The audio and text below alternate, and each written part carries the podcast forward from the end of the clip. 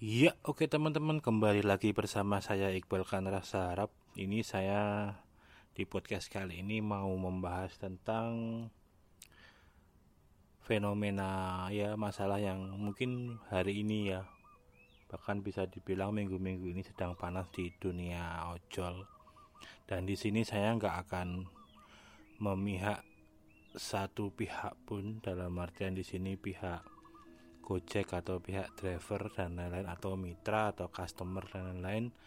Di sini saya akan bahas tentang lebih ke ekosistem ya sebenarnya ya. Sebenarnya semua dampak dari masalah yang dihadapi sama Gojek ini sebenarnya adalah masalah ekosistem ya yang mungkin tidak dipikirkan atau kalaupun sudah dipikirkan bubble-nya itu tidak terprediksi atau gimana ya walaupun sebenarnya dengan basis data yang udah mereka punya sebenarnya mereka bisa melakukan itu. Tapi saya kurang tahu kok hal kayak gini nggak dipikirkan sedari awal ya. Logika sederhana saya seperti seperti ini. Jadi ekosistem di sini adalah saya ngomongin masalah mitra yaitu driver dan customer. Dan juga ojolnya eh, dan juga gojeknya ya. Jadi rantai makanan di sini kan sebenarnya lebih ke driver dan customer ya. Karena kalau eh, posisi mitra yang kayak GoFood atau yang lain-lain itu saya anggap mereka di tengah-tengah ya. Mereka hanya sub marketplace lah ibaratnya seperti seperti itu. Jadi bukan bukan pure mereka yang tidak mengontrol ini semua gitu. Jadi lebih lebih ke masalah customer dan driver. Dan ini juga masalah yang selalu ada kan sebenarnya masalah seperti ini karena kalau saya sih membahas ini bukan masalah yang mungkin orang lebih orang yang udah tahu atau apa lebih ke perspektif wah Gojek bakar duitnya udah habis dan lain-lain. Buat saya sih ini bukan bukan masalah itu ya kalau saya ya. Jadi sebenarnya ini hanya masalah rantai makanan. Jadi di mana dari awal itu enggak men-setting jumlah driver dan jumlah customer sedari awal nggak men-setting itu membuat menjadi ekosistem yang berimbang gitu loh. Jadi dan jumlah customer Gojek juga nggak bisa memprediksi juga kan. Semakin banyak mungkin dia akan semakin suka tapi kan dia tidak bisa mengontrol kenaikan dan penurunan seperti itu. Tapi kalau driver jelas dia bisa mengontrol itu mau sebanyak berapa gitu loh. Nah, dan di sini saya akan mengasumsikan ini sebagai uh, kalau di rantai makanan itu kan ada predator dan ada apa itu namanya satunya predator itu. Ya makanannya makanannya lah benar seperti itu. Nah di sini predator bukan arti yang negatif ya tapi emang dia yang memakan rantai makanan itu kan ibarat seperti itu. Nah di dalam rantai makanan ini itu terjadi bubble yang tidak imbang gitu itu. Jadi kenaikan yang tidak imbang dan tidak merata. Nah bisnis ini kan bisnis yang berbasis time frame dan lokasi ya. Jadi pihak Gojek juga tidak bisa menentukan jam berapa user yang mau order dan di lokasi mana user yang mau order kan mereka tidak akan bisa mengontrol itu kan. Nah sedangkan mereka hanya bisa mengontrol jumlah mitra yang GoFood dan lain-lain atau jumlah mitra yang driver. Ya di sini mau yang back atau yang mobil sebenarnya sama aja.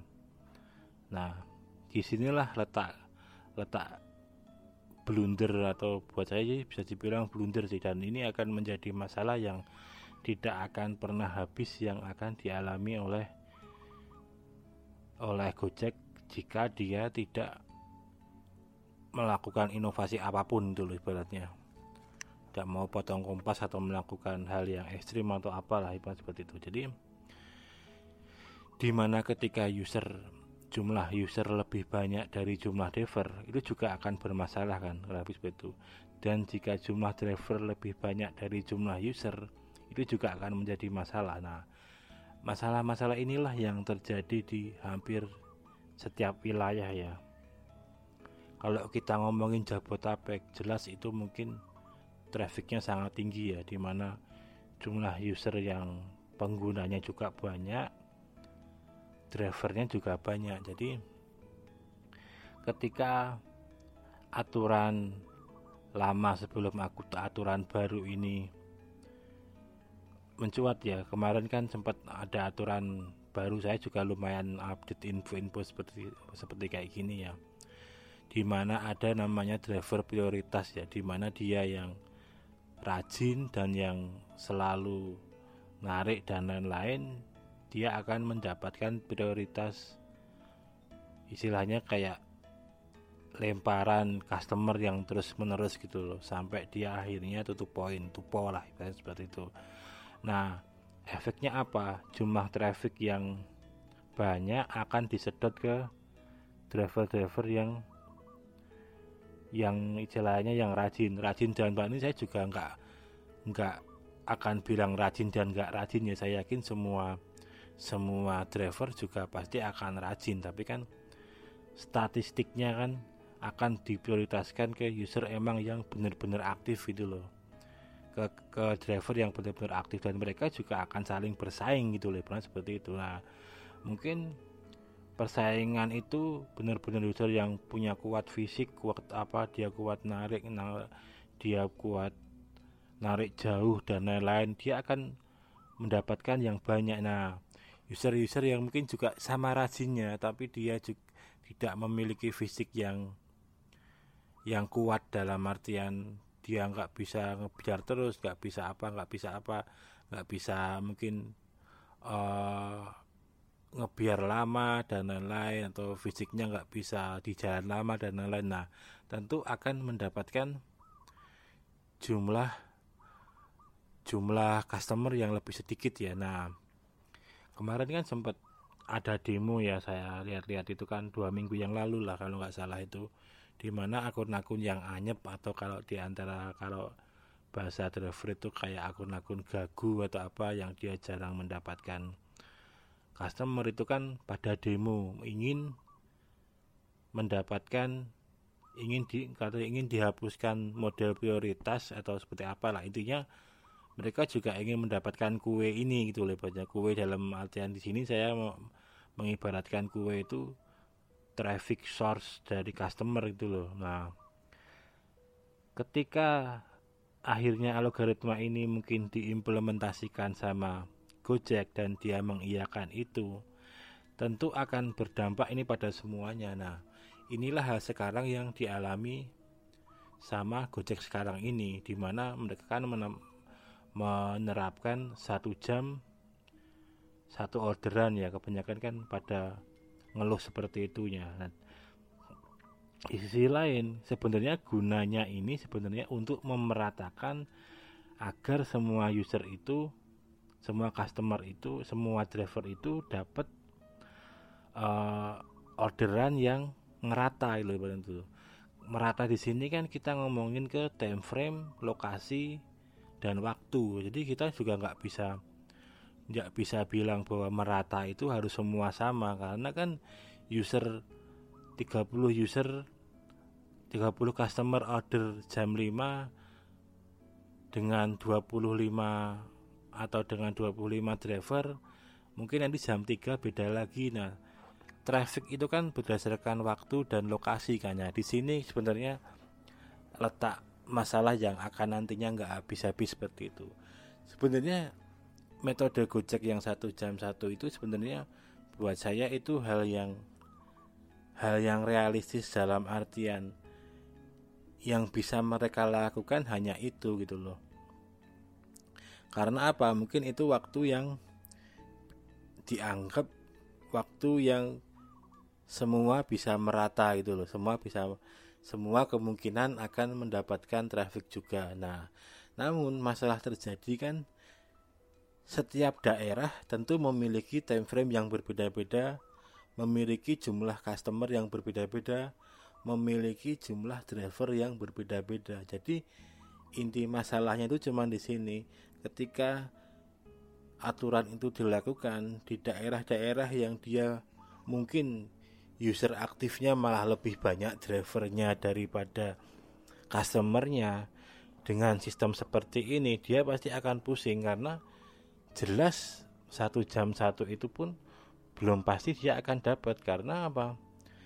Belum ada dalam belum tentu misal seribu driver online di jam satu akan jam satu itu juga akan ada seribu orderan juga gitu loh. Jadi karena ini masalah bisnis time frame jadi kita mengasumsikan ini bukan bukan bisnis yang kayak marketplace atau apa ya atau orang orang jualan terus suruh nganter gitu bukan ya. Jadi kan kalau kita ngomongin marketplace dan lain itu kan bisnis yang traffic datang user order ya udah terus dikirim. Nah kurang lebih seperti itu.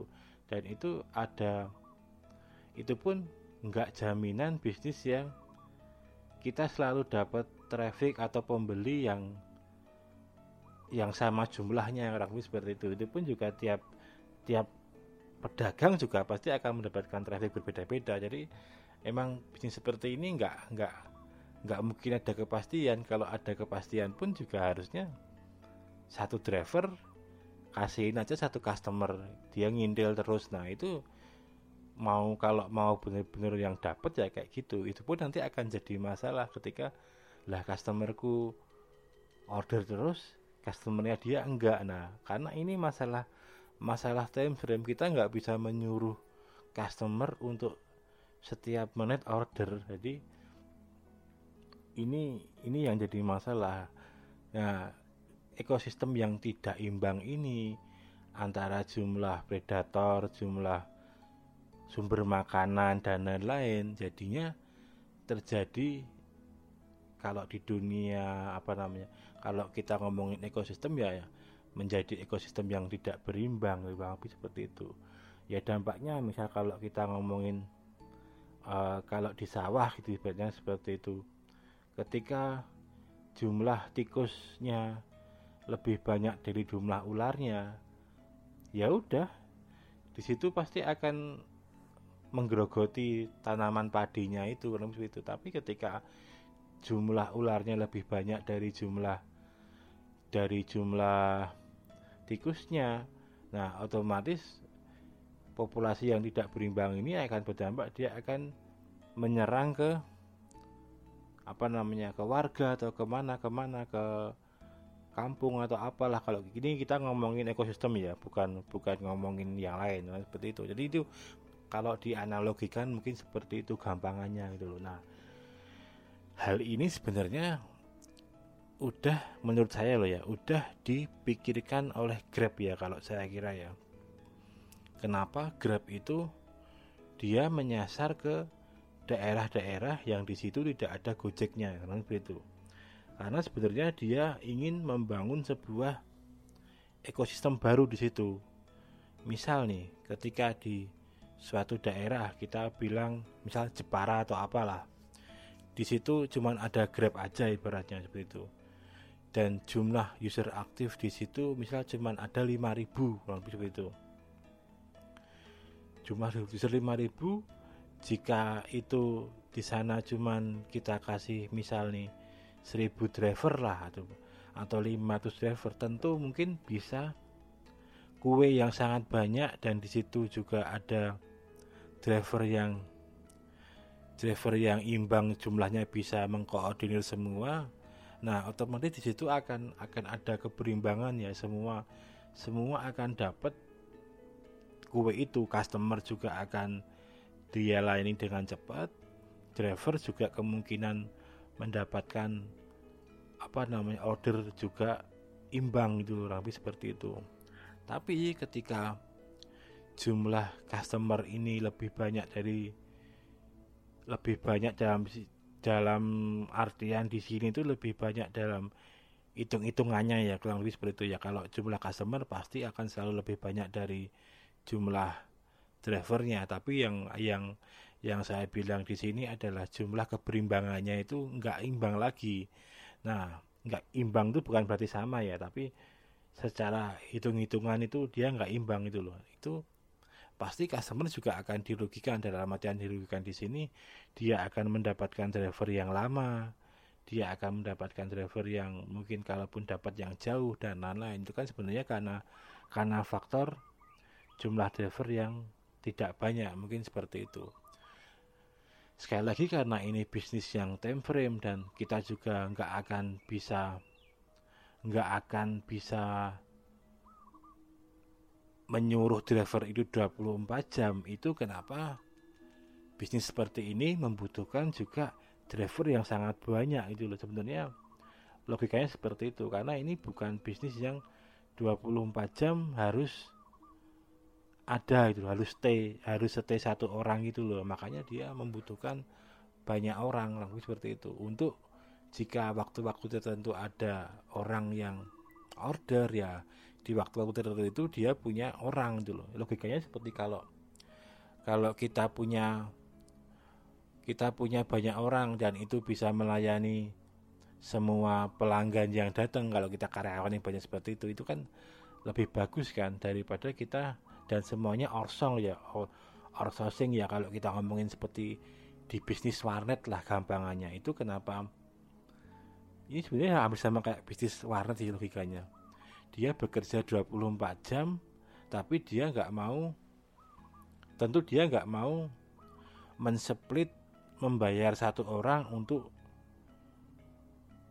untuk uh, 24 jam stay di situ. Nah, kemungkinan kan dia membagi membagi jumlah uang yang udah diseperkan untuk itu untuk beberapa orang. Itu kenapa bisnis walet itu karena saya juga dulu kerja di walet lumayan lama ya. Itu kenapa jumlah jumlah OP wanit itu ada yang sampai 20 ada yang sampai 15 ada yang sampai 30 dengan time frame yang yang sangat banyak juga itu. Jadi kemungkinan kemungkinan saya cuma dapat sebulan cuma dapat 8 kali jaga itu sangat-sangat memungkinkan karena pertama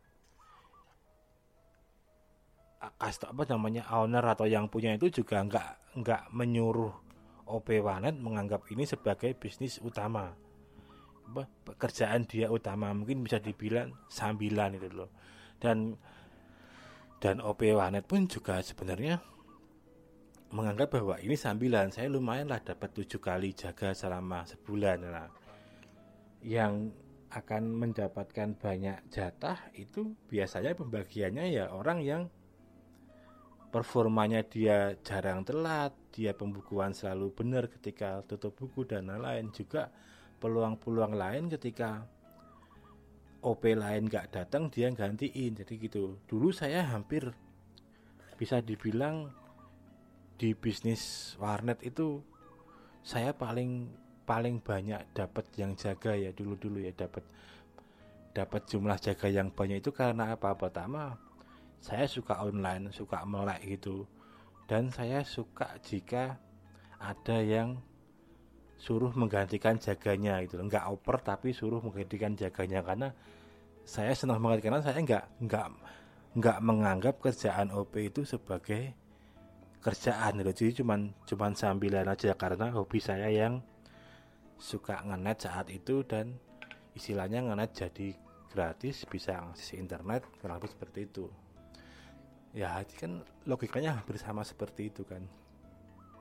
Jadi ketika ketika kenapa kenapa Gojek itu terus menambah terus menambah driver? Karena dia udah punya user yang sangat banyak customer yang sangat banyak dan dia tidak akan selalu bisa mencukupi kebutuhan customer yang mungkin tempernya bisa per, per menit, per detik bahkan di lokasi yang mana. Nah, makanya kan dia narik terus banyak driver kan. Sebenarnya masalahnya akan seperti itu. Dan ini saya saya bukannya bukannya apa namanya? merendahkan atau bagaimana ya bahwa sebenarnya kan konsep bisnis ini juga sebenarnya dari pihak Gojeknya juga pasti menganggap ini adalah makanya dia juga kemitraan karena karena dia pengen punya banyak orang. Nah, yang kedua dia menganggap bahwa ini harus harusnya menjadi bisnis sampingan kan seperti itu. Perkara ini nanti dijadikan bisnis utama, kerjaan utama bagi uh, mitra itu udah urusan lain. Jadi kayak kayak saya di Waran juga ada yang orang kerja di Waran itu juga menganggap itu kerjaan utamanya gitu. Ada yang menganggap itu sebagai mahasiswa-mahasiswa gitu yang kerja itu mendapi set job atau kerjaan tambahan. Ya sebenarnya masalahnya itu di situ sebenarnya. Ketika menganggap ini yang utama ketika sistemnya menjadi seperti ini ya semua akan menjadi menjadi kacau balau seperti itu. Karena sebenarnya secara secara logika dan lain-lain juga Gojek nggak akan mau tahu kita ngambil kredit motor, kita ngambil kredit mobil buat kerjaan dia itu loh. Karena sebenarnya yang diprioritaskan dia mungkin yang emang yang udah punya motor dan lain-lain perkara kamu mau daftar itu motornya terus kredit terus apa ya itu urusan lain. Jadi emang sebenarnya ini yang harus lo mindset ini yang harus di dipahami juga ya sebenarnya ya. Jadi emang ini bisnis ini juga akan akan akan terus berjalan lama kalau menurut saya. Nggak mungkin lah terus ada penurunan driver dan masih banyak mungkin orang yang akan mendaftar sebagai driver lebih seperti itu. Ya sama kayak sama kayak bisnis waletnya pada akhirnya kan yang yang membuat bisnis walet nggak ada kan karena bisnis walet itu udah bisnisnya yang udah tidak udah tidak work dengan saat ini dengan pakai data semua udah murah semua internet udah murah harga laptop murah. Nah bisnis itu mati karena itu bukan karena dia mencari OP yang susah gitu loh kurang lebih seperti itu. Beda dengan kalau kita ngomongin bisnis mungkin di warung makan atau apalah emang kendalanya nyari orangnya lebih susah daripada buka warungnya kurang lebih seperti itu di kota-kota besar masalah utama ya di karyawan itu sebenarnya. Ya, dengan bisnis yang model yang kemitraan seperti ini ya mau nggak mau juga kita harus seperti itu. Juga masalah mungkin bonus dan lain-lain ya. Kalau saya sih punya asumsi bonus itu pasti ini dari segi ngomongin bonus itu berarti ngomongin driver dan lain-lain ya. Bonus itu saya rasa pasti akan hilang ya nggak nggak mungkin enggak lah secara logika itu pasti akan sebenarnya kalau logika saya sebenarnya hanya memicu pertama untuk menambah driver kegunaan bonus itu. Yang kedua juga untuk memicu biar mungkin kerjanya lebih semangat dan lain-lain. Walaupun kalau kita ngomongin tentang pembagian hasil 80 20 ya buat saya itu emang udah udah sangat-sangat fair ya ibaratnya seperti itu ya. Saya ngomong fair ini sebenarnya ya ya 80 20 itu sangat-sangat udah itu masalah lain. Wah itu nggak bisa mencukupi kalau saya pembagian seperti itu ya buat saya udah nggak cukup. Nah, itu udah urusan lain kalau masalah kebutuhan udah urusan lain tapi kalau masalah 80 20 buat saya udah udah sangat udah sangat masuk ya sebenarnya itu ya. Dan juga kayak gini kayak gini kan besok juga yang akan di dialami oleh customer kan sebenarnya juga sekarang harga juga makin mahal ya. Karena kalau kita ngomongin harga makin mahal dan lain-lain itu sebenarnya masalah ya uang promosi dia orang lebih seperti itu. Selama dia masih nyubsidi nyubsidi tarif dan lain-lain ya ya akan seperti itu. Dan saya selalu punya pikiran ya lama kelamaan sebenarnya harganya akan akan akan sama. Kita mau mau pakai ojek pengkolan mau pakai ojek online jatuhnya akan sama aja. Hanya yang satu itu pakai aplikasi yang satu itu enggak. Pada pada akhirnya kembali ke core-nya itu. Jadi banyak enggak banyak itu kan maksudnya mahal enggak mahal enggak mahal itu kan sebenarnya kalau sekarang ini hitungannya lebih karena subsidi yang dia lakukan kan. Karena tarif per kilometer kan udah jelas kan udah diatur jumlahnya berapa gitu loh. Untuk menghindari mungkin persaingan antar antar brand gitu lebih sehat kalau lebih seperti itu. Jadi buat saya itu aja sih yang yang yang harus kita harus kita pahami dengan model bisnis yang berbasis time frame, lokasi, kemitraan, jumlah customer yang tidak bisa dikontrol, ya imbasnya akan akan seperti ini. Ini saya kira kalaupun jumlah jumlah bonus digedekan atau apa ketika ketika jumlah lokasi, ketika jumlah uh, ekosistem ini nggak sehat ya akan sama aja. Apalagi masalah lain di Gojek ini kan sebenarnya akun yang berpindah-pindah ya dalam artian seperti ini. Wah di Solo ini di Solo apa namanya trafiknya tinggi. Kalau narik di Solo bisa dapat order gede langsung semua migrasi ke Solo. Wah di situ kan udah ada migrasi ibaratnya migrasi rantai makanan karena di situ udah udah pasti akan ruwet lagi sebenarnya. Itu kenapa harusnya setiap akun tuh hanya berlaku lokal ya sebenarnya ya. Harusnya seperti itu. Ya karena kita pertama mengejar emang orang yang emang di daerah itu. Otomatis kan mungkin pendapatan di daerah itu juga akan meningkat lah juga menghindari orang yang bermigrasi seperti seperti itu. Wah daerah sana daerah sana uh, apa namanya trafiknya tinggi semua pindah ke sana. Bahkan tanpa pindah daerah pun pindah lokasi yang satu area pun itu juga udah menjadi masalah lebih seperti itu. Wah misal Jabotabek nih Jakarta Barat sepi nih pindah ke Jakarta Timur semua driver kebanyakan ke Jakarta Timur pasti yang ada di Jakarta Barat jalan lain juga akan menjadi menjadi masalah karena bisa dibilang rantai makanannya semua ke sana. Ini ini kita ngomongin kalau masih satu lokasi, bagaimana yang itu ada eksodus perpindahan misal driver dari Jakarta ke Jogja, yang dari Jogja ke Jakarta, itu juga akan menjadi menjadi masalah yang utama di situ ya. Karena ini sebenarnya emang bisnis yang berbasis itu tadi yang saya bilang berbasis time frame dan berbasis lokasi jadi kita driver apa Gojek tidak akan pernah tahu kapan user itu mau order atau seberapa banyak user itu mau order atau lokasi mana yang akan order yang dia tahu kan hanya data setelah yang keluar oh daerah sini memang banyak yang order sekitar jam segini. Itu kan data yang dikontrol yang keluar setelah action orang melakukan itu dan menjadi rata-rata oh di sini. Tapi kan kita tidak bisa mengontrol orang langsung secara pribadi suruh order jam berapa itu jam berapa itu kan sangat sangat tidak bisa. Kecuali ada jam-jamnya driver itu oh kalau mau order order Gojek jam 2 jam 3 nah itu baru karena kita benar-benar bisa ngontrol waktu dan tempat. Ya oh, jam 2 harus order lewat misal lewat lewat apa namanya lewat rawa buaya atau apa atau apa. Itu kan baru.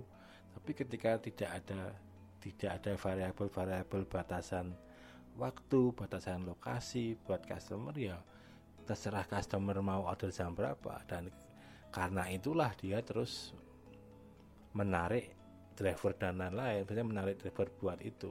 Kalau saya sih seperti itu. Bukan bukan karena bukan karena di sisi lain dia menghindari apa nama driver untuk tidak tupo dan lain-lain ya. Karena ketika ketika ekosistem ini tidak bisa dijaga ya tidak bisa tupo itu udah menjadi kepastian itu loh karena rantai makanan yang tidak sehat dari faktor-faktor tadi jumlah jumlah customer yang tidak dikontrol banyaknya jumlah travel yang tidak dikontrol banyaknya ya imbasnya akan seperti ini. Oke teman-teman kurang lebih seperti itu pembahasan saya. Mungkin uh, moga-moga teman-teman paham ya intinya di intinya sebenarnya di rantai makanan bang seperti itu. Jadi biar teman-teman bisa menganalogikan itu oke teman-teman kembali lagi di podcast podcast saya selanjutnya. Salam olahraga